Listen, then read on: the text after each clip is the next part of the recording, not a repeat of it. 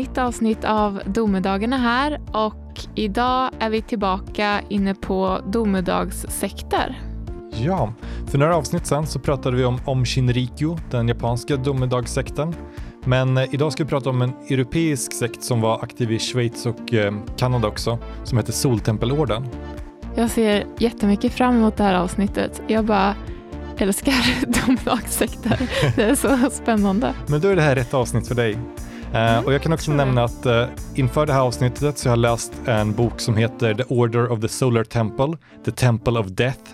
Och det är en bok av, um, eller där religionsföreläsaren James R. Lewis har varit redaktör och då samlat ihop tio texter som är skrivna av religionsvetare och sociologer som har tittat närmare på den här sekten ur olika perspektiv. Precis. Då kör vi igång.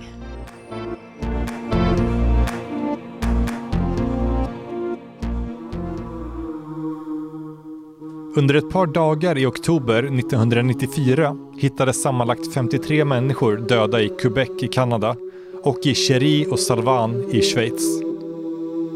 Många av de döda var klädda i ceremoniella dräkter och deras kroppar var utlagda i ett cirkelmönster. Vad alla döda hade gemensamt var att de var eller hade varit medlemmar i domedagssekten känd som Soltempelorden.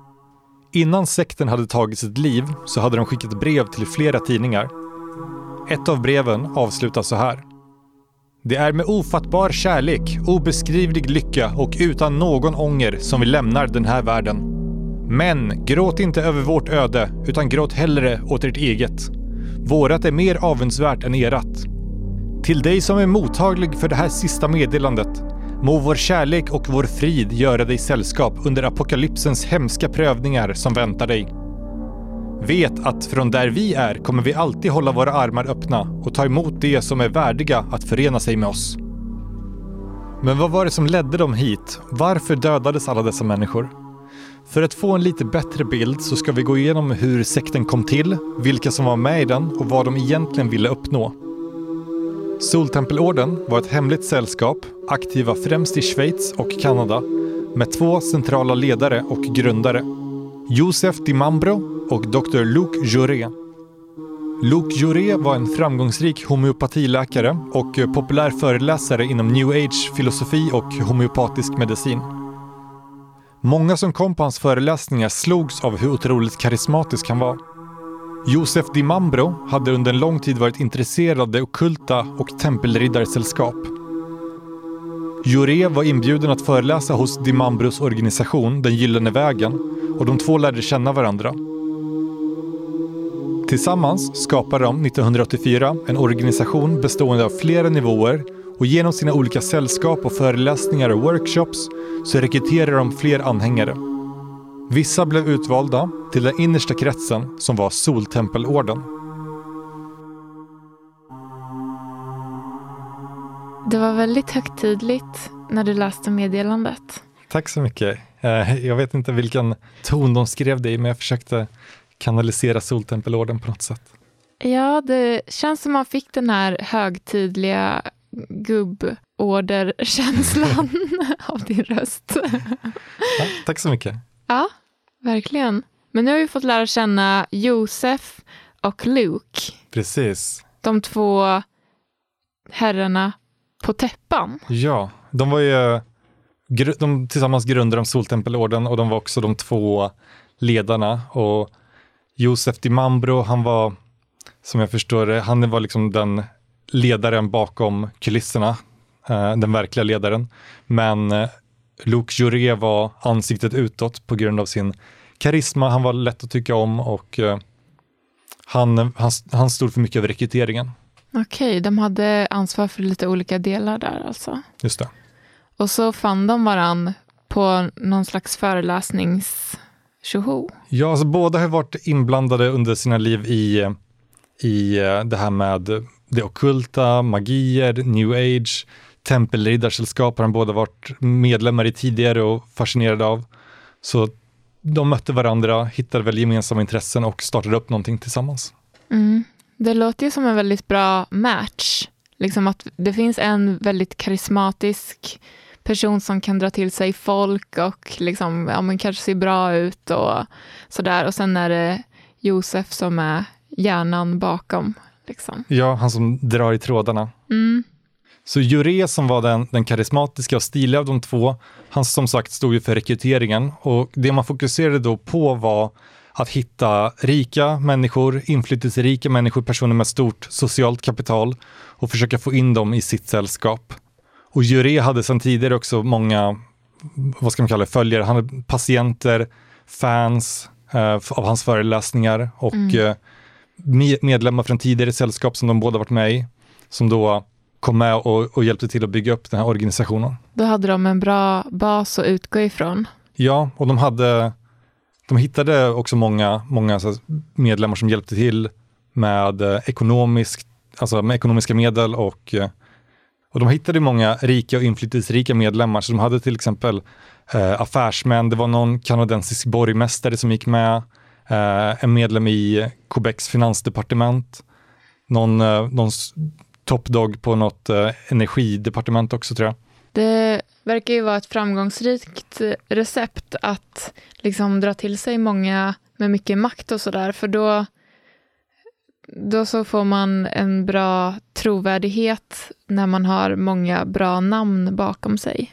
Precis, och Och det lockar till sig liksom vanligt folk också, kan jag Ja. tänka mig då. Och det, det finns ju likheter med hur om Shinrikyo, som vi pratade om för några avsnitt sedan, hur de fokuserade på att hitta väldigt kompetenta och intelligenta människor som kanske dock kände sig lite utanför. Eh, här så var det istället väldigt eh, rika och inflytelserika människor som man kunde locka med att få vara med i liksom ett hemligt sällskap och ha fina sociala tillställningar och sånt. Och eh, också intressera kanske med det här eh, new age som var populärt och lite det okulta och att få vara med om något större än en själv. Mm. Men Aum Shinrikyo, de hade ju också en lite, ett litet fokus på de vackra människorna. Att de liksom ville ha unga, snygga tjejer som kunde liksom vara ute och prata och göra reklam för deras sekt. För att det, det drog till sig de här eh, smarta nördarna. Ja, det gäller att hitta det som, som eh, ens målgrupp vill ha. Mm, Och där har båda lyckats ganska bra. verkligen.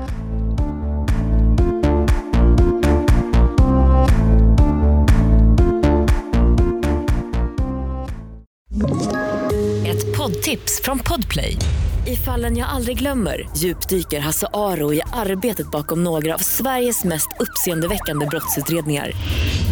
Går vi in med hemlig telefonavlyssning och, och då upplever vi att vi får en total förändring av hans beteende. Vad är det som händer nu? Vem är det som läcker? Och så säger han att jag är kriminell, jag har varit kriminell i hela mitt liv men att mörda ett barn, där går min gräns. Nya säsongen av Fallen jag aldrig glömmer på Podplay.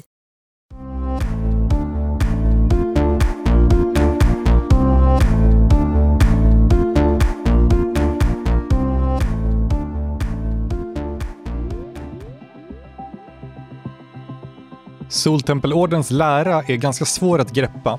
Det var en sekt som sa sig vara ett sällskap av efterträdare till de gamla tempelriddarmästarna. Och det fanns också inslag av katolsk tro och symbolik, men också okkultism, astrologi, alternativmedicin och magi. I sin natur så var sällskapet hemlighetsfullt och organisationen förändrades ofta.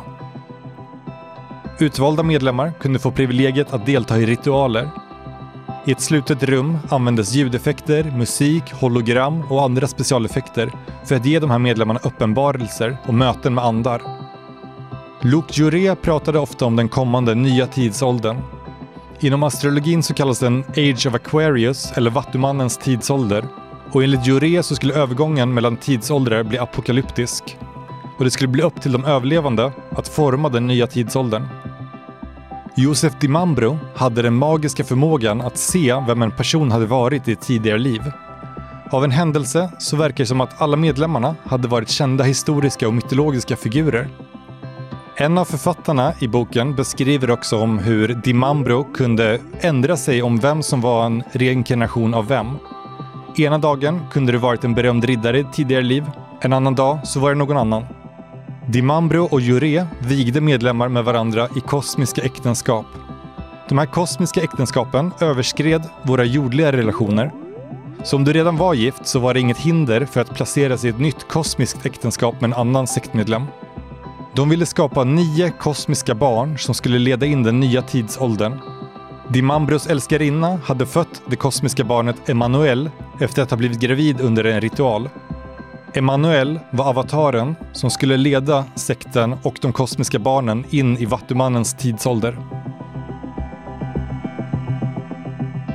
Deras eh, tro känns än så länge lite, lite oklar för mig.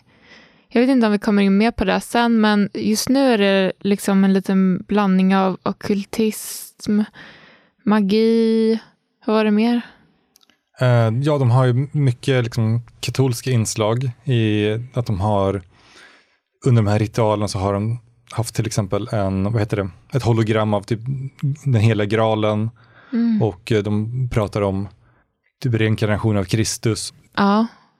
ja, men det är en liten god blandning. Ja, men den, som sagt, den är, den är svår att greppa för att den är, den är väldigt rörig och jag tänker att den är gjord så av design, liksom att de eh, fyller den med, med saker som är svåra att förstå, hemligheter och så, för, för att då behöver de här medlemmarna då söka svar hos sina ledare och eh, liksom är i, i en eh, behovsställning där de kanske måste betala för ett medlemskap in i sekten för att få lära sig hemligheterna om kosmos och eh, tempelriddarhemligheterna. Just det. Mm. Och eh, då är det lite så att de som har mest makt och pengar, de kommer in i den här innersta kretsen och kanske får veta mer än, än de som liksom som inte ingår i soltempellådan. Precis. Men det, det som liksom knyter det här till, till domedagstemat är att, att de hade ett apokalyptiskt synsätt på sin tro och på världen. Att eh, vi är i, i fiskarnas tidsålder och vi kommer snart gå in i vattumannens tidsålder. Det här är något astrologiskt begrepp som jag tror alltså då betyder att i den här nästa tidsålder kommer vi människor att leva mer spirituellt, mer, eh, mer nära typ andevärlden och så. Eh, men Juré menar då att den här övergången kommer då bli väldigt apokalyptisk och det är många som kommer dö och eh, det är liksom de här, de som lever på rätt sätt är förhoppningsvis de som kommer få ta över den nya världen. Och det här med kosmiska barn, det låter ju helt otroligt. Jag får en känsla av att eh, det inte är jättebra att vara ett av de kosmiska barnen. Alltså om man tänker att man nu inte tror på det soltempelorden tror på, så känns det som att de kan ligga lite risigt till Ja, men de här kosmiska barnen, jordeliv. eh, jag tror att i, innan liksom sekten dog ut, eller ja, innan de här eh, dödsfallen, så hade de fått fem kosmiska barn, inklusive Emanuel. Eh, och som jag förstår det så är det liksom barn som är födda inuti sekten, eller kanske till följd av de här kosmiska äktenskapen som, Mm. som de placerades in i. Ja, och de kosmiska äktenskapen. Ja, Det, det förvånar mig 100 procent inte alls. Nej. När det är ett gubbsällskap som kan styra upp reglerna lite som de vill. Och då är det såklart att man ska kunna ha lite utom äktenskapliga äktenskap. Ja. Som då är kosmiska äktenskap såklart. Och det här, det, det, är, det nämns någonstans i boken att eh, det är ett sätt för dem att kontrollera medlemmarnas identitet. Ehm, dels det här med att, att bestämma vem du är en reinkarnation av, vem du var i ditt tidigare liv. Att det är ett sätt att ge dig en ny identitet för att knyta dig ännu närmare sekten och ledarna. Eh, och sen bestämma liksom vem du ska vara i ett äktenskap med, baserat på din nya kosmiska identitet. Och, ehm, också ett sätt att, att bara ha kontroll över, över de olika medlemmarna. Ja, vad spännande. Då kan man liksom, de, de kan ja, men egentligen förvandla folk till, till det de vill. Mm. Det är det som är målet, tror jag då. Och eh, Emanuel är ju också väldigt intressant att titta på det här kosmiska avatarbarnet. Uh, när man tänker på sektens kontrollbegär. För det, var, det, det sades ju att hon blev gravid, eller Emanuels mamma blev gravid under en ritual. I själva verket så var det Dimambros barn, det var ju hans älskarinna. Uh, hon var gravid redan innan ritualen. Uh, men ritualen var liksom ett sätt att att förhöja barnet. Att eh, det är inte Dimambros barn utan det är fött av kosmiska krafter inom en hemlig ritual. Det var liksom en efterkonstruktion för att det skulle låta bättre och passa bättre in i soltempelorderns bild. Exakt. Och det här barnet, och när hon växte upp så, så fick hon lära sig att hon hade magiska krafter. Uh, för att hon var liksom det här magiska barnet. Mm. De, tar ett, de tar upp ett exempel att um, hon kunde gå in i ett rum och så sa hon något ord så öppnades, öppnades dörrarna. Men då var det istället Dimambro som hade en fjärrkontroll innanför jackan. Så han öppnade liksom dörrarna för att bygga på bilden av att hon var magisk, både för medlemmarna men också för Manuel själv. Ja. Åh oh, gud, jag hade så gärna velat prata med det här kosmiska barnet. Ja, och eh, hon fick inte, de var ju helt besatta av att, att eh, alla skulle ha rena energier. Så hon fick inte leka med de andra barnen, eh, även de kosmiska barnen fick hon inte leka med för att de skulle kunna besudla hennes rena energi. Mm. Och jag tror också att det var så att, i alla fall ibland, att man inte ens fick titta på henne. Oj. Ja. Vilken speciell uppväxt hon måste ha haft. Ja, väldigt speciell. Ja. Men de körde mycket med olika specialeffekter, så ljus och eh, eh, öppna dörrar med fjärrkontroll. Och mm. vad, vad hade de för olika typer av de hade ju, det, det som nämns är musik, ljudeffekter, um, hologram hade de också, uh, lasershower. Allt det här för att ge medlemmarna en, en upplevelse som, som känns övernaturlig, som känns uh, överväldigande och uh, då by, bygga på tron till, um, till Dimambro och Jures budskap. Mm, men visste medlemmarna om, de måste ju veta att det var lite projektorer och sådär? Alltså jag tror att um, de hade ju liksom någon som skötte det där, så den personen visste ju om det. Men annars så tror jag att det var inte, inte liksom i alla fall en uttalad sanning. Det är klart att vissa kanske haft misstankar och så, det är svårt att veta. Mm.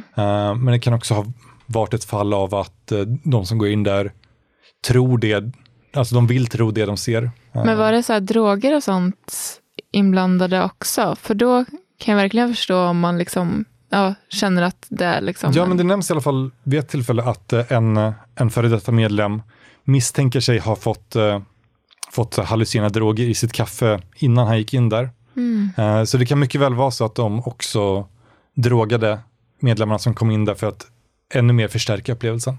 Mm. Och de här ritualerna, det var ju också, för att återkomma till deras kontrollbegär, det var ju också ett sätt att, eh, att belöna och eh, bestraffa medlemmar. Att bestämma vem det var som fick komma på ritualen eller inte. Så om det var någon som, eh, som kanske hade skött sig väldigt bra så var de inbjudna i ritualen. Om det var någon som behövde tillrättavisas så kunde man säga att du är inte värdig att delta i ritualen. Och förhoppningsvis så, så bättrar de på sitt beteende då för att få komma in på nästa. Mm, jag förstår. Det känns som ett eh, bra sätt att liksom hålla den här eh, innersta kretsen hemlig och åtråvärd. Att man verkligen vill komma dit och gör sitt bästa och kanske också liksom stänger av sina, eh, sitt sunda förnuft för att man liksom bara vill vara i den här innersta cirkeln och eh, bli belönad. Ja, och, precis. Att det är i den gruppen också där alla alla vill komma in där och, och vara, vara utvald. Att um, även fast man kanske inte tänker på det, att man, man själv... Man kommer liksom längre och längre ifrån sanningen utan att kanske ens tänka på det. Ja, bara för att man det något... rycks med i, i hela grupppsykologin. Precis. Det känns som en typisk sektgrej. Sekt. Väldigt framgångsrikt koncept. Om vi nu hoppar fram till 1994, när sekten varit verksam i tio år, så hade Luc Juré och Josef Di Mambro hunnit samla på sig en hel hög problem. Juré hade några år tidigare skickats för att styra den lokala avdelningen i Quebec. Flera medlemmar då ha uppfattat honom som påträngande och han började gå dem på nerverna. Till slut fick de nog och röstade bort honom som ledare och ersatte honom med en lokal medlem. Juré hade också bett två medlemmar köpa halvautomatiska vapen med ljuddämpare för att förbereda sekten för den kommande apokalypsen. Båda medlemmarna blev arresterade Och det här var förödande för Jures varumärke som föreläsare och det påverkade också sektens ekonomi. Dimambro var nu gammal och sjuk och hans roll som ledare hade börjat försvagas. Hans barn hade börjat bli äldre och vände sig emot honom och hans regler. Konflikter mellan Jure och Dimambro började bubbla upp. Man kände sig förföljd av polisutredningar, nyfikna journalister och före detta medlemmar. Paret Tony och Nicky hade varit medlemmar men var nu hatade av Dimambro. Tony var den som skötte specialeffekterna under ritualerna och eh, han hade börjat avslöja hemligheterna som låg bakom magin. Nicky hade förbjudits av Dimambro att föda barn, men Nicky och Tony födde en son. Barnet fick namnet Emanuel, samma namn som Dimambros kosmiska avatarbarn. Dimambro övertalade sina följare att det barnet var antikrist. Och allt detta tillsammans ledde till att sekten förberedde sin sista gärning på jorden. Istället för att stanna kvar och överleva den kommande apokalypsen så skulle de lämna jorden och deras andar skulle resa till stjärnan Sirius. Dimambro skickade tre medlemmar till paret Tony och Nicky. Han ska ha sagt till en av mördarna att han var reinkarnationen av soldaten som stack Jesus med ett spjut. Och för att sona för det brottet så var han tvungen att döda Antikrist och hans föräldrar. De tre medlemmarna dödade familjen i ett av sektens hus i Quebec. Huset brändes ner och två av mördarna tog sitt liv samtidigt. Den tredje mördaren reste tillbaka till Schweiz för att möta upp resten av sekten. Och en dag efter morden på familjen och eh, barnet som de kallar Antikrist så hittades två brinnande hus i Cherie och Salvan i Schweiz. Inuti husen så fann man sammanlagt 48 döda sektmedlemmar. Många hade blivit skjutna i huvudet innan husen brändes ner och i vissa hittades spår av gift. Bland de döda hittade man Luke Juré och Josef Dimambro. Istället för att se Soltempelorden långsamt dö av svagt ledarskap och konflikter försökte han bevara sin mystik genom att gå ut i en sista ritual. Det var 94 som det började skita sig.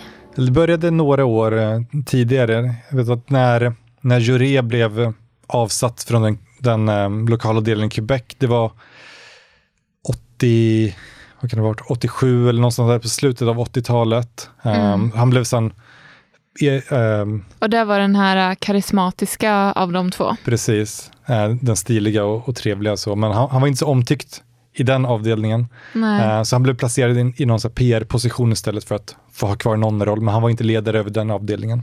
Däremot så de, de, den europeiska delen av sekten i Schweiz och, och i Frankrike så de erkände inte det beslutet, så de såg inte den här nya kanadensaren som ledaren över det, utan de såg fortfarande Juré som den riktiga ledaren i Kanada.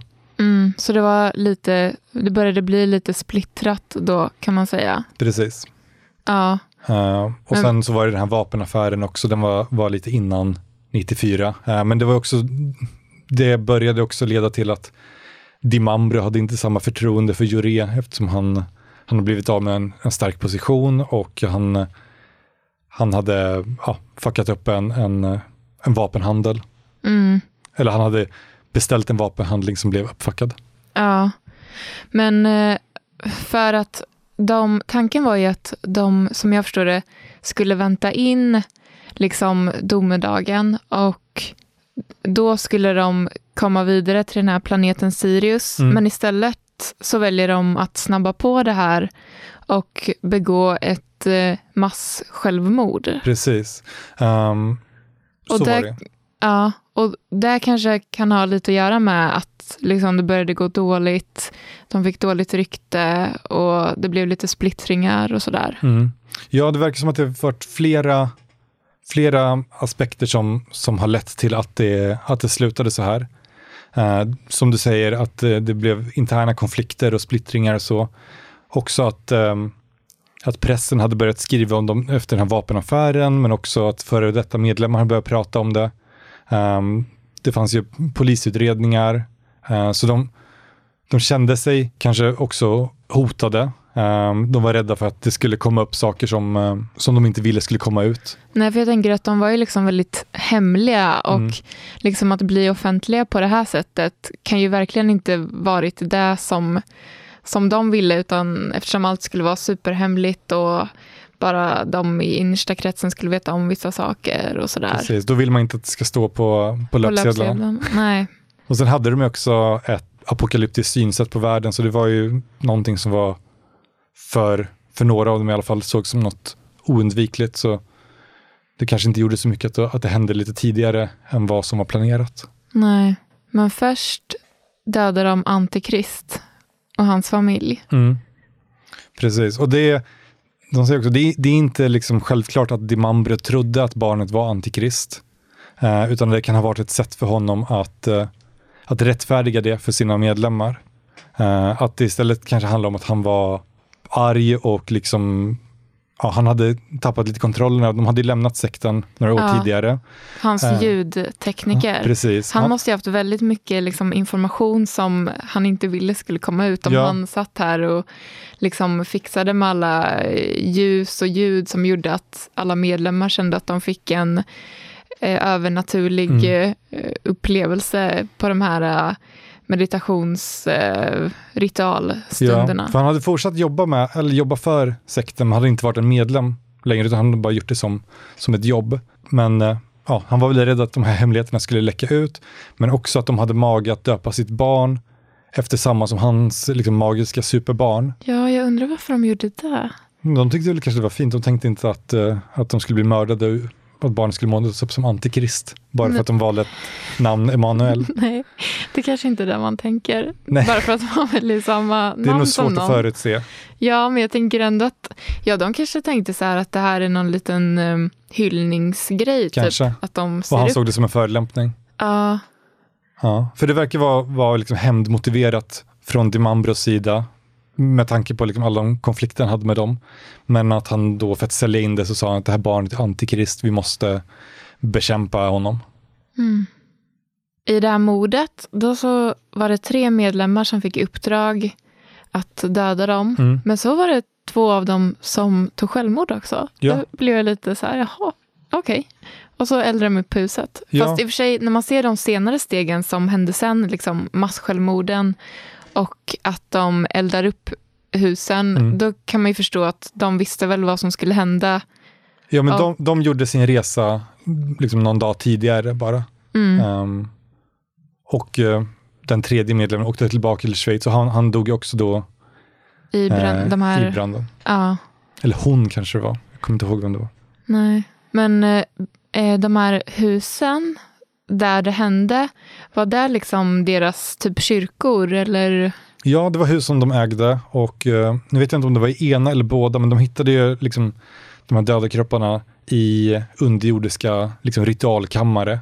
Eh, så de, de hade, hade det som ett av sina liksom, center där de höll sina ritualer och sina möten. Mm. eh, som de sen brände ner. Och det kan också vara en, en anledning då att de ville bevara sektens hemligheter och därför liksom brände ner allting tillsammans med sig själva. Uh, och sen också finns det kanske någon symbolisk del där också i att, uh, att försvinna upp i, i eld. Mm, just det.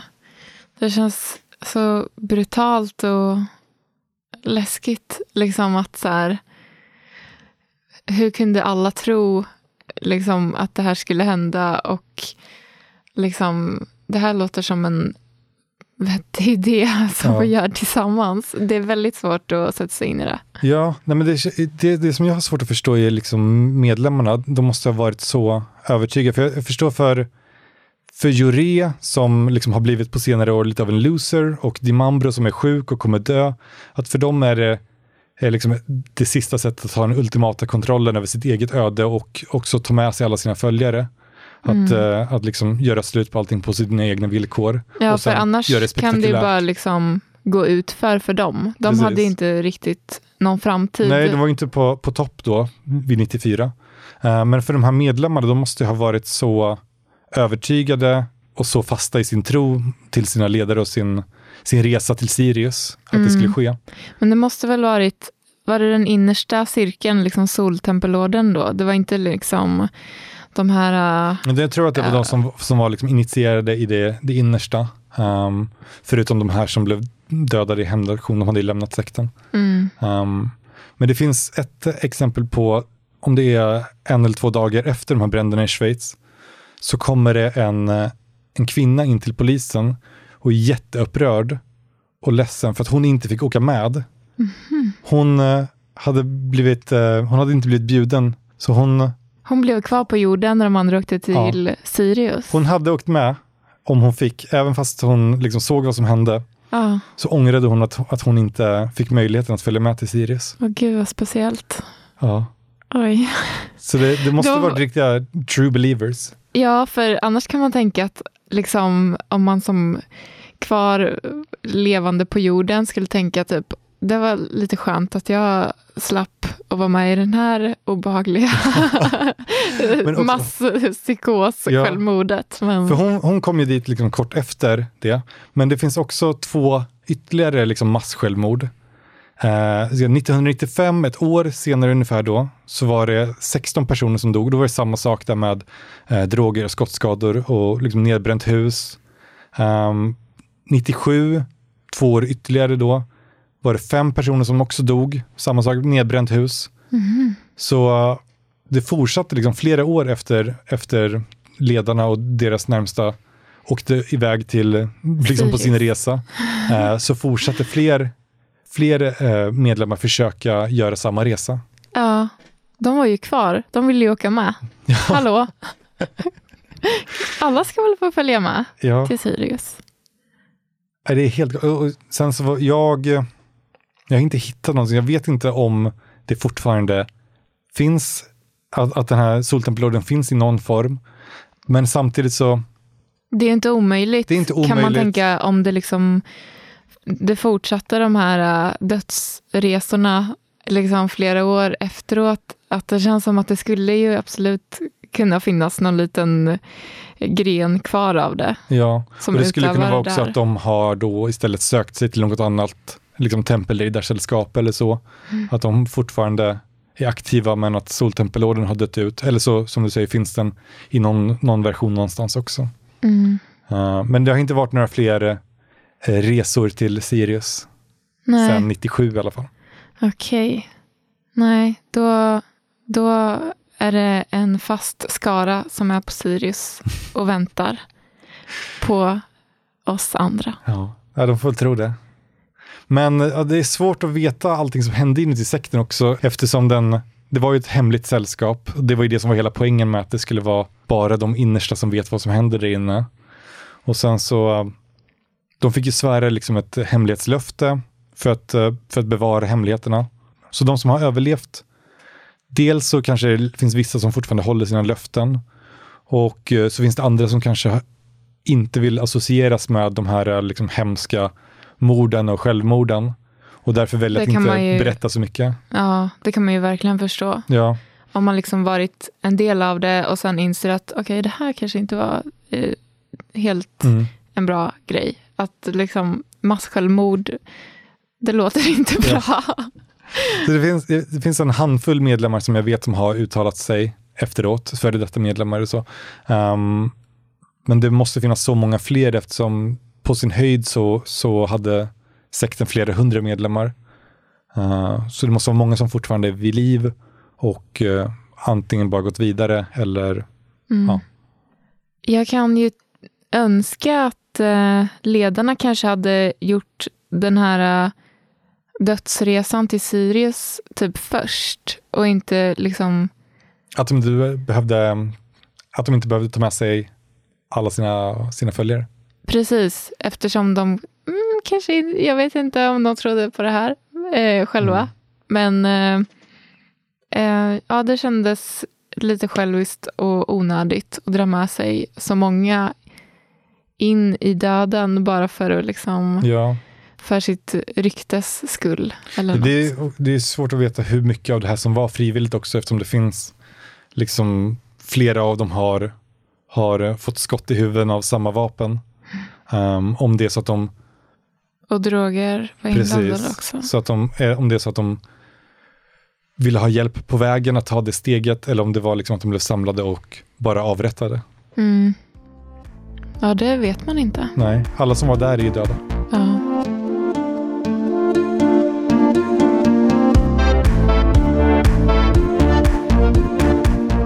Jag tycker att precis som eh, vårt avsnitt med Aum Shinrikyo så kan vi ju dra lärdom av att inte lyssna på skärmiga flummare som vill lära dig om kosmos hemligheter och dra in dig i någon typ av sällskap. Nej, det verkar sluta dåligt då. Det verkar sluta jättedåligt. I, inte bra. Och det verkar vara svårt att ta sig ur det när man väl har kommit in i det. Men tack så jättemycket för att ni har lyssnat. Tack så mycket. Vi hörs nästa vecka.